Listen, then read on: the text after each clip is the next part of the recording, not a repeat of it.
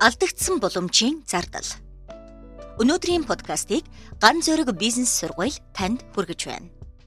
Алдагдсан боломж, хүчин чадал ашиглалт, бүтээмж зэрэг ойлголтууд менежерүүдэд маш чухал. Манай компаниуд ихэвчлэн сайн мэрэгжилтний менежерээр томилждог. Менежер буюу удирдахч байх нь сайн мэрэгжилтэн байхаас ялгаатай. Би өнөөдөр гол ялгааг нь энд ярих болно. Улаанбаатар хотод байгаа автомашинууд ажлын нэг өдөр явах эрхгүйг та бид мэдэж байгаа. Улаанбаатарт явж байгаа нийт машины үнэлгээг 4.4 их 80 төгрөг гэж үзвэл нийтдээ 880 тэрбум төгрөгтэй тэнцэх сул зогсолт үүсэж байна. Өөрөөр хэлбэл бид хүчин чадлаа 20%-аар дутуунлаж алдагдсан боломжийн зардалд 880 тэрбум төгрөг хизээч эргүүлж олж авч чадахгүйгээр төлчихжээ. Анхнаасаа Улаанбаатар хотын тээврийн асуудлыг хотчлд, хүн амын өсөлт, байгаль цагуурын ширүүн нөхцөл, эдийн засгийн өсөлт, замын багтаамж зэрэгтэй нь уялдуулж бодлогын төвшөнд төлөвлөх ёстой байсан. Тэгж чадаагүй учраас өнөөдөр бид машинуудыг нэг өдөр сул зогсоохоос өөр аргагүй байдалд хүрч ийм их алдагдал хүлээж байна. Менежмент бол тоглоом биш. Менежер хүн хүчин чадал ашиглалтыг дээд түвшинд хүргэхийн тулд анхнаас нь зөв төлөвлөх ёстой.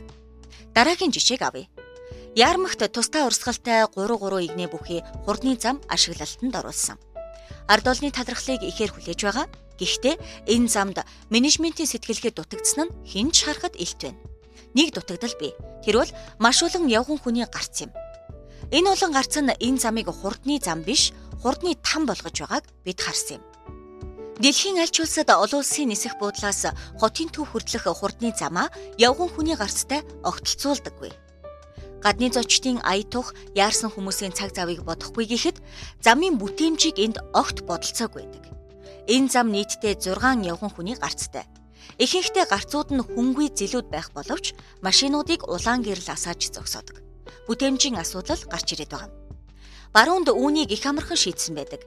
Явган зорчигч өөрөө гарцсан дээр ирмэгц товчлуур дээр дарж гэрлэн дохиогоо захиалдаг. Хэрв явган зорчигч байхгүй бол машинууд ногоон гэрлээрээ саадгүй нэвтэрнэ.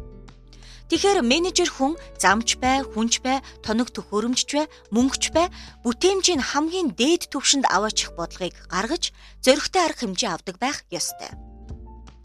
Бид ерөнхий тандалт судалгаа хийж үзэхэд сүүлийн 5 жилд монголчууд хүнд хөнгөн үйлдвэрлэл эрхлэх зорилгоор олон зуун тэрбум төгрөгийн тоног төхөөрөмж гаднаас оруулж иржээ.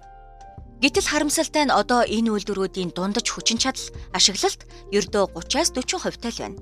Жишээ нь 100 сая төгрөгийн үнэтэй тоног төхөөрөмж аваад хүчин чадлын 30%ийг л ашиглаж байгаа бол 70 сая төгрөгийг салхинд хийсгэлээ гэж тооцож болно. Өнөөдөр Монгол улс гурил цементийн үйлдвэрлэлийн хүчин чадлаар дотоодын хэрэгцээнээс давж гарах төвшөнд хүрч байна. Хэрв илүүдлээ экспортлож чадахгүй бол энэ нь эргээд л алдагдсан боломжийн зардал салхинд хийсэн мөнгө л болж хувирна. Бүтээмж муутай алдагдсан боломжийн зардал туйлын ихтэй сектороор мал аж ахуйг нэрлэж болно.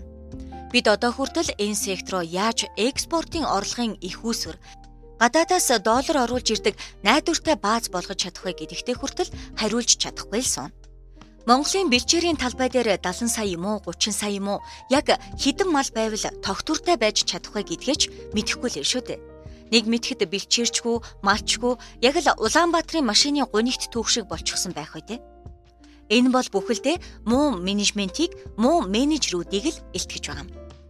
Менежер хүн ажилдаа хайн хандах, дутуу харах, өөрийн үүргээ ухамсарлаагүй бол компани болон улс оронд олон зуун сая төгрөгийн хохирол учирдаг. Алдагдсан боломж хүчин чадлын дутуу ашиглалт, бүтээмж алдалт зэргийн аль нь байхаас үл хамааран энэ нь компани баланс дээр бууж ирнэ. Менежер хүн бол сайн ажилтан биш. Менежер хүн бол менежментийг хэрэгжүүлдэг этгээд юм. Менежер хүн ямар хөдөлгөөн хийснээс ажилтнууд, харилцагчид, компани хувь заяа хамаарах болно. Бүтээмж, алдагдсан боломж, хүчин чадлын ашиглалт гэсэн гурван ойлголт менежер хүний ухамсарт гүн бат сууж энэ гурвыг гаргаж буй шийдвэр болгондоо шингээж үзэж байх учиртай. Ган зөрөг бизнес сургуультай танилцахыг хүсвэл Ган зөрөг цэгийн маань веб сайт руу зочлоорой.